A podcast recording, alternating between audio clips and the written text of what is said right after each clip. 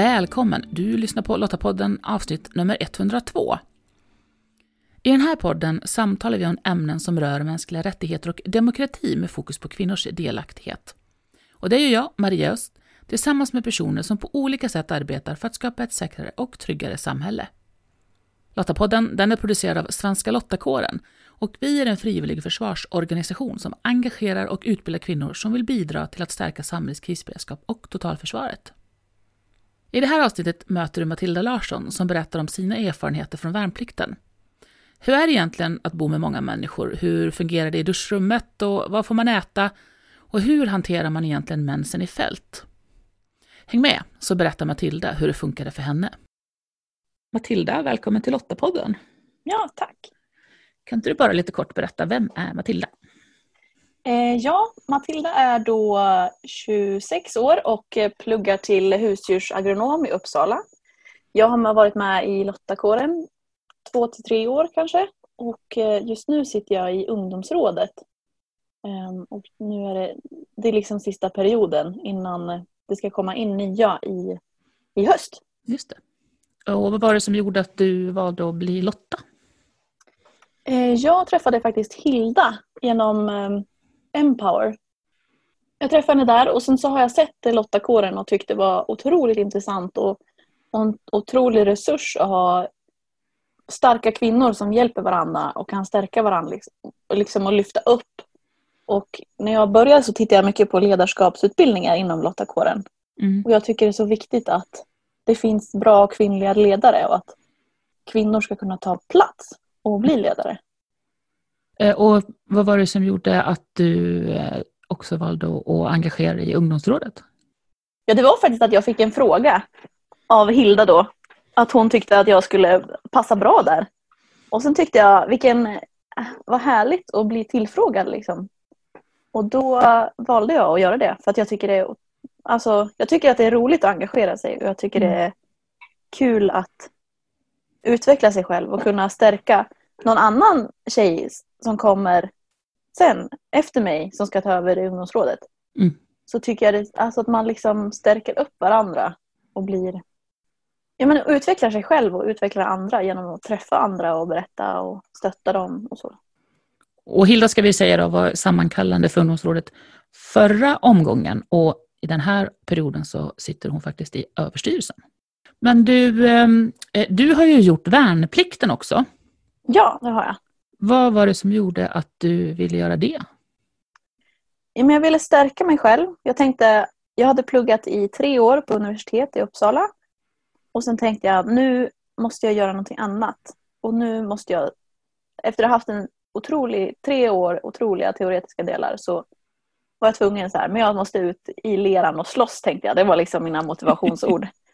ja men att utveckla mig själv, att bli en starkare person. Och de har ju mycket reklamkampanjer, att man ska liksom bli en starkare person och man blir duktig på att samarbeta med personer och ja men och sen gör man någonting för samhället också. Mm. Kände jag att jag måste jag kan inte bara sitta här och sen inte göra någonting för samhället utan jag, måste, jag ville utveckla mig själv och kunna hjälpa till i samhället om det händer någonting.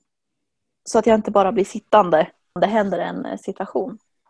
Numera så är ju värnplikten könsneutral, det vill säga både killar och tjejer eh, kallas ju in. Eh, tidigare så fick man ju som tjej söka frivilligt.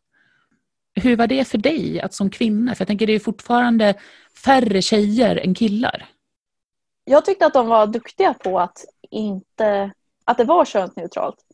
Det finns ju alltid små grejer som man har med sig som man, som man inte kan sudda ut. Men jag tyckte befälen var otroligt duktiga på att inte försöka göra oss annorlunda än killarna. Så, utan man var en soldat och sen när de, om de sa att man var svagare som tjej så var det ofta rekryterna eller så var det en gammal tanke som, som man inte kan sudda ut bara sådär utan som man jobbar med. Mm. Men de, de, var otroligt medvetna om sånt där, befälen, och verkade ha pratat om det otroligt mycket det vart jag glatt överraskad över. Men, men jag tänker också, under värnplikten så bor man ju tillsammans. Eh, man äter tillsammans och man delar duschrum och, och sovrum och sådär. Det kan ju kännas lite skrämmande kanske. Ja, det kan det göra faktiskt. Men nej, där jag bodde, då hade vi, man hade duschar med duschdraperi så man kunde alltid gå in och sen ha handduken innan man gick in och sen när man kom in i duschen så tog man av sig handduken och så duschade man. Så att det var liksom ingen som såg in. Och så var det, ja men när man byter om i omklädningsrummet så hade alla respekt för att inte visa sin kropp mot någon annan om det var så. Så Mm. man, när man hade duschat så torkade man av sig med handduken så tog man på sig kläderna när man hade handduken på sig samtidigt. Och sen, hur ska man säga, när man var i fält och ville gå och kissa till exempel då kunde man som tjej liksom gå längre bort. Killarna kan ju stå och kissa men, vi, men som tjej, eller jag tyckte det var mycket bekvämare att gå en bit bort. Men vi fick även en sån här kisstratt tror jag heter Mhm. eh, fick vi det väldigt tidigt så man kunde få använda om man ville. Men jag använde den inte eh, för att jag var, jag var så nervös att det skulle liksom läcka. Mm. Att det, man kissade så mycket så att det skulle läcka och sen skulle man bli blöt och Mm. lukta, lukta hela resten av övningen. Det var liksom inget problem att man var, man var tjej utan alla hade respekt för att man, man liksom täckte sig själv när man bytte om och så. Men det beror ju också på hur man är som person. Vissa är ju öppna med att klä av sig inför andra. Jag är inte det så då, och ingen annan i min eh, pluton eller liknande eh, var det heller. Så att då täckte man sig liksom. Men det är otroligt viktigt att man ska veta att man kan gå till sina befäl om det inte efterföljs. Så får de liksom ta det steget vidare. Att, man, Mm. att de har liksom huvudansvaret att man ska känna sig okej och man ska kunna man ska kunna täcka sig om man behöver och man ska kunna inte täcka sig om man behöver. Och det är liksom en gruppdiskussion man får ha Mm. så att alla känner sig okej med det. Och så tänker jag, sen, sen finns det ju då lite fysiologiska skillnader ändå på oss tjejer. Och då tänker jag lite på alltså, bröst och, och höfter och sådär. Och kopplat mot uniformen till exempel. Hur tyckte du att det funkar? Man har ju till exempel ett sånt här strids... Eh, jag brukar kalla den ridväst, men jag kommer inte på vad den heter nu. Den eh, hade man ju på sig och den var liksom inte superbra anpassad för brösten liksom, så att man kunde få... Det kunde vara lite jobbigt att andas ibland för att den satt så hårt på, men man får ju, man får ju öppna upp så gott man kan. Så det fick jag problem med någon gång. Eh, om man tittar på uniformen så... Jag skulle inte säga att uniformen var ett problem för mig. Jag, fick ha, jag har väldigt långa ben också så att jag fick ha väldigt stor storlek om de skulle passa runt höfterna och mina ben. Så jag kände mig lite slafsig liksom för att jag var tvungen att ha så stor uniform. Men annars är uniformen väldigt rymlig. Men jag vet att de här trosorna använde aldrig jag för att jag ha- hade provat dem innan och då fick jag så otroligt skav. Så att, och då, ja, ett skav av sömmarna. Så jag använde alltid kalsongerna. Och bh funkade för mig. Men jag vet andra som har haft problem med bhn att den är man har ju olika storlekar på sina bröst Mm. och det kan ju vara ett dilemma. Och en annan sån där grej då som, som tjej är ju att vi har mens. Och Mm. jag tänker hur funkar det då, kanske mest när man är ute i fält då, ett, ett antal dagar? Eh, för mig funkade mensen bra. Alltså, jag hade förberett mig. Jag hade läst på ganska mycket innan hur man skulle göra. Så jag hade alltid mitt, eh, ett menskit med mig. Det svåra är att man kan inte tvätta händerna på samma sätt. Så man, man vill liksom hålla det rent där nere men man kan inte tvätta händerna. Så jag använde en, eh, en tampong med en sån här man stoppar in. Och den, Ja, just eh, det, som har en liten sån här extra rör. Liksom. Ja, precis. Ett extra rör. Precis. Så jag köpte sådana och sen hade jag det i, min, i en liten necessär. Och där hade jag även plasthandskar. Och så hade jag alltid handsprit i benfickan. Så när jag, när jag skulle byta tampong då, då tog jag fram en sån där tampong, tog ur den gamla, stoppade den i en plast i. Jag, tog alltid ur, jag stoppade alltid på mig en plasthandske när jag skulle ta, ur min tampong. För då kunde jag även eh, ta den här tampongen och så kunde jag stoppa den i plasthandsken. Så kunde jag bara stoppa den i benfickan tills jag fick en, eh, en soptunna och slänga Ja, den i. Om man hade riklig mens så kunde det ju liksom då kunde det bli några stycken innan man hittade en soptunna. Och sen eh, stoppade jag in den där eh, tampongen med in det där röret. Och det funkade otroligt bra. Jag vet att vissa har, det var en av mina kompisar där som gjorde, och hon fick så otrolig mensvärk så hon fick åka hem. Och hon kunde inte vara med på övningen för att hon hade, hade sån on, ont mm. av mensvärken. Så det är ju det är inte jättekul. Men ibland får man inte ha med sig Alvedon och sånt. Ja men då får man gå och prata med befälen för att mens ska inte vara ett problem. Jag får lite mensvärk men jag tycker det... Vi var på en jättejobbig övning sju dagar, en vecka var vi. Och det var sista slutövningen på eh, GMU. Och då, då hade jag sån mensvärk men sen så fick vi inte så mycket mat då den veckan. Så då tyckte jag nästan det var skönt att ha, ha mensvärk för då visste man inte om man var hungrig eller hade mensvärk för att man det gjorde så ont. Då tänkte man så här, det är mensvärk bara, det är mensvärk. Så löser sig problemet. Men om man är, om man är förberedd för sin mens och vet att ja, men nu kommer den. Då går det väldigt bra att ha mens i fält. Det är liksom inget problem. Utan det är bara... Och man kan även ha en vanlig tampong och sen ha, ha med sig plasthandskar så går det, går det lika bra. Men man måste vara noga med att ha en god hygien. Och sen brukade jag även sätta en timer på klockan på fyra timmar. Så att jag kom ihåg att byta den här tampongen så att det inte skulle bli något fel. Då pep min klocka var fjärde timme satte jag det på. Så att jag visste att jag kan gå över lite men jag kan även byta lite innan. Men det beror på vad man har för flöde liksom. Det låter ju som, såklart, lite utmaningar finns det men eh, bara man har tänkt igenom och, och kanske pratat med andra också och fått lite tips som du verkar ha gjort så mm. ja, men då går det liksom att hitta lösningar. Mm. Man kan ju fråga sina kompisar, alltså sina plutonskompisar eller an, personer i andra plutoner hur de gör. Det kan kännas lite fjantigt att prata om mens sådär, men det är väldigt viktigt att man ska ha en god hygien när man håller på med sin mens. Särskilt när man är ute i fält, för då kan man inte tvätta händerna på samma sätt. Jag vet att vissa använder p-piller för att undvika men det gjorde inte jag. Ja, man får lite hitta det som passar en själv bäst helt enkelt. Precis, precis. Eh, alltså under värnplikten som sagt så gör man ju väldigt mycket tillsammans. Eh, bor tillsammans, eh, liksom sover tillsammans och sådär. Och även äter tillsammans. Både då naturligtvis när ni, ni är inne på, eh, på områden men också ute i fält. Men liksom så här, vad, vad får man att äta då? om man, om man är inne på kasern så får man vanlig mat. Det är ungefär som att äta på i en skolmatsal. Eh, och om man är ute i fält så finns det två olika, olika mat man kan få. Och det ena är att man får mat från köket i stora termosar. Då får man ofta någon slags ris eller potatis till. Eller pasta då såklart också. Och sen får man en gryta. Och beroende lite på vad man tycker om för grytor och så, så får man, så får man äta det som är i. Men det är ofta väldigt goda grytor. Det var, man blev ganska glad när man fick de där grytorna för att de var ofta goda. Vissa plutoner har eh, papperstallrikar. Men det hade inte vi utan vi åt ut våra spritkök. Men sen finns det även olika rations man kan få. Och det är antingen frystorkad mat eller konserverad mat den kan vara väldigt god. Vissa maträtter är det och andra är otroligt äckliga faktiskt. Om jag ska vara helt ärlig. Det finns de som jag... Den här superjobbiga övningen när jag inte... När jag hade min mensvärk, den här slutövningen. Då, då fick jag en riktigt äcklig påse faktiskt.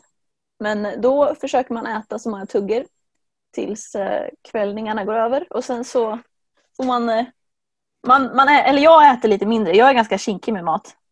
Så kan man blanda med eh, andra påsar som är godare. Så man kan äta godare mat ibland och sen får man pina de här andra.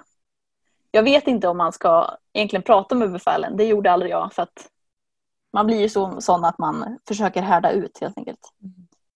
Det kanske var bra, det kanske var dåligt, jag vet inte. Om man tur kanske det är någon som faktiskt gillar det man själv inte gillar så att man kan byta lite kanske. Ja, precis. precis. Det kan man göra. Det är också en bra idé. Ja, de där rationspåsarna, det är kanske inte den godaste maten men den går, den går ner. Den går att äta. Och vissa maträtter är godare än andra. Men annars är inte maten något, heller något större problem. Det är bara man, man vänjer sig. Om man, tycker, om man tycker det är jobbigt att äta frystorkad mat eller rations ja, som är frystorkad aeration. Man lär sig helt enkelt att äta maten man får till slut. Det gör man. När man är tillräckligt hungrig så äter man väldigt mycket. Det kan man inte tro men jag, jag, är, jag är kinkig med maten men jag äter mycket mer nu än vad jag gjorde innan. Jag har ju en uppfattning att det är väldigt mycket struktur eh, i, eh, under värnplikten. My, mycket just för att, att hålla ordning på sig själv och sina grejer och på, på gruppens grejer och sådär. Men är det någonting sådär strukturmässigt eller någonting annat sådär som du har tagit med dig? Jag har tagit med mig mycket strukturmässigt men samtidigt var jag ganska strukturerad innan. Men direkt när jag kom hem så märkte jag, jag tycker om att göra mycket projekt. Men jag tycker inte om att slutföra projekten. Så när jag kom hem sen, då var det väldigt mycket som blev slutfört av alla mina projekt som jag gör. Mm. Så det har jag nog tagit med mig. Att liksom göra klart varje grej.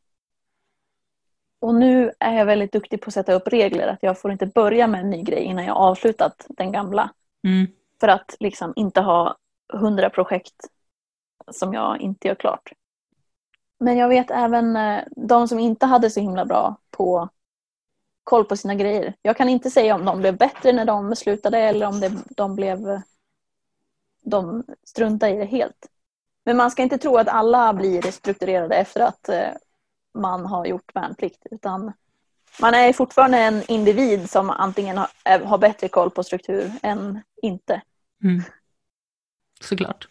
Såklart.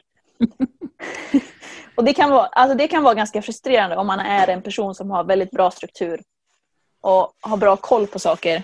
Och sen kommer man till, en, till några som de tappar alltid bort sina handskar eller sin... Ja, allt möjligt. De glömmer att fylla vattenflaskan när de har sagt till en tio gånger. Så det, tycker jag, det tyckte jag var otroligt jobbigt. För jag var väldigt engagerad men man måste komma ihåg att alla är inte engagerade utan det är olika nivåer av engagemang. Mm. Så det kan vara väldigt frustrerande för jag är väldigt driven. Och sen får man liksom sänka tempot för att, liksom, för att det ska bli ett jämnt, man ska hamna på en jämn nivå i gruppen. Men så är det nog på alla jobb helt enkelt. Det tror jag också. Ja. Vad skulle du ge för tips då till den tjej som lyssnar på det här och som kanske är på väg eh, och ska mönstra eller fundera på att anmäla sig frivilligt för att göra värnplikten? Jag skulle säga att läs, alltså läs på, läs vad andra tycker och om man är lite orolig för någonting så ta kontakt med någon man känner kanske. Vi i ungdomsrådet finns ju och vi, har, vi är flera stycken som har gjort värnplikt eller ska göra värnplikt. Ja, det bästa sättet är att läsa på lite. Det kan vara svårt att veta var man ska få information och viss information om gamla skräckhistorier finns det ju alltid. Men jag tror man får ta, ta dem med en nypa salt och sen får man prata med någon som har gjort det. Vi finns ju alltid i ungdomsrådet och kan prata om det. Så löser sig det mesta. Man kan gå och prata med, det finns alltid personer man kan gå och prata med där. Även fast det inte känns så.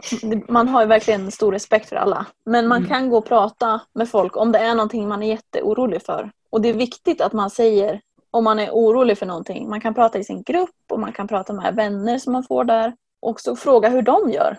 Om man väl, när man väl har kommit in och ska göra sin värnplikt.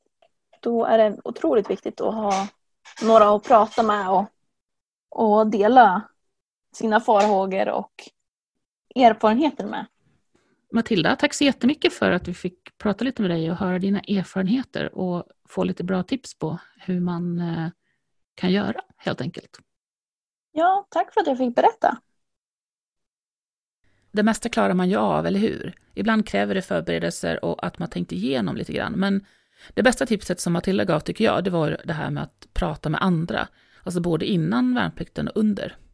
Och jag tänker att man är nog inte ensam om att ha frågor och funderingar. Länk till mer information relaterat till det vi samtalat om i det här avsnittet, det hittar du på lottapodden.se. Och oavsett om du vill förbereda dig för värnplikten eller vill engagera dig på ett annat sätt så är du varmt välkommen till oss i Lottakåren om du, precis som oss, tycker att fred, demokrati och mänskliga rättigheter är värda att försvara och du vill vara med och bidra till vårt samhälles krisberedskap och totalförsvar. I så fall ska du gå till svenskalottakåren.se. Där hittar du information om hur just du kan bidra. Nästa avsnitt av Lottapodden kan du lyssna på om två veckor den 17 september. Och då får du möta Lottan Freja Vredin som mönstrat två gånger för att nå sitt mål, att jobba i Försvarsmakten. Ja, det är en, eh, det är en hel dag man är där eh, oftast. Och eh, man går ju mellan massa stationer, man är hos läkaren, man gör synkoll, man gör cykeltest eh, och man sitter mycket och väntar. Och eh, i de här väntrummen så är det ju en massa andra, bland annat polis, eh, polissökande och eh, andra som eh, söker eh, till värnplikten eller till officersprogrammet. Och eh, ofta är det militärer som går runt och kan svara på frågor. Ja, men, vad ska jag välja om jag, jag är intresserad av det här? Eh, så man sitter där och är väldigt orolig men man vet också att de flesta andra som också är där, de är lika oroliga. Vad ska det bli av mig ungefär? Så om du inte redan gör det, prenumerera gärna på Lottapodden för att säkerställa att du inte missar nästa avsnitt. Du hittar podden i Apple Podcast, Podbean eller på Spotify. Och om du gillar Lottapodden, berätta gärna för andra om den så att fler hittar oss. Och tack för att du lyssnar. Hej så länge!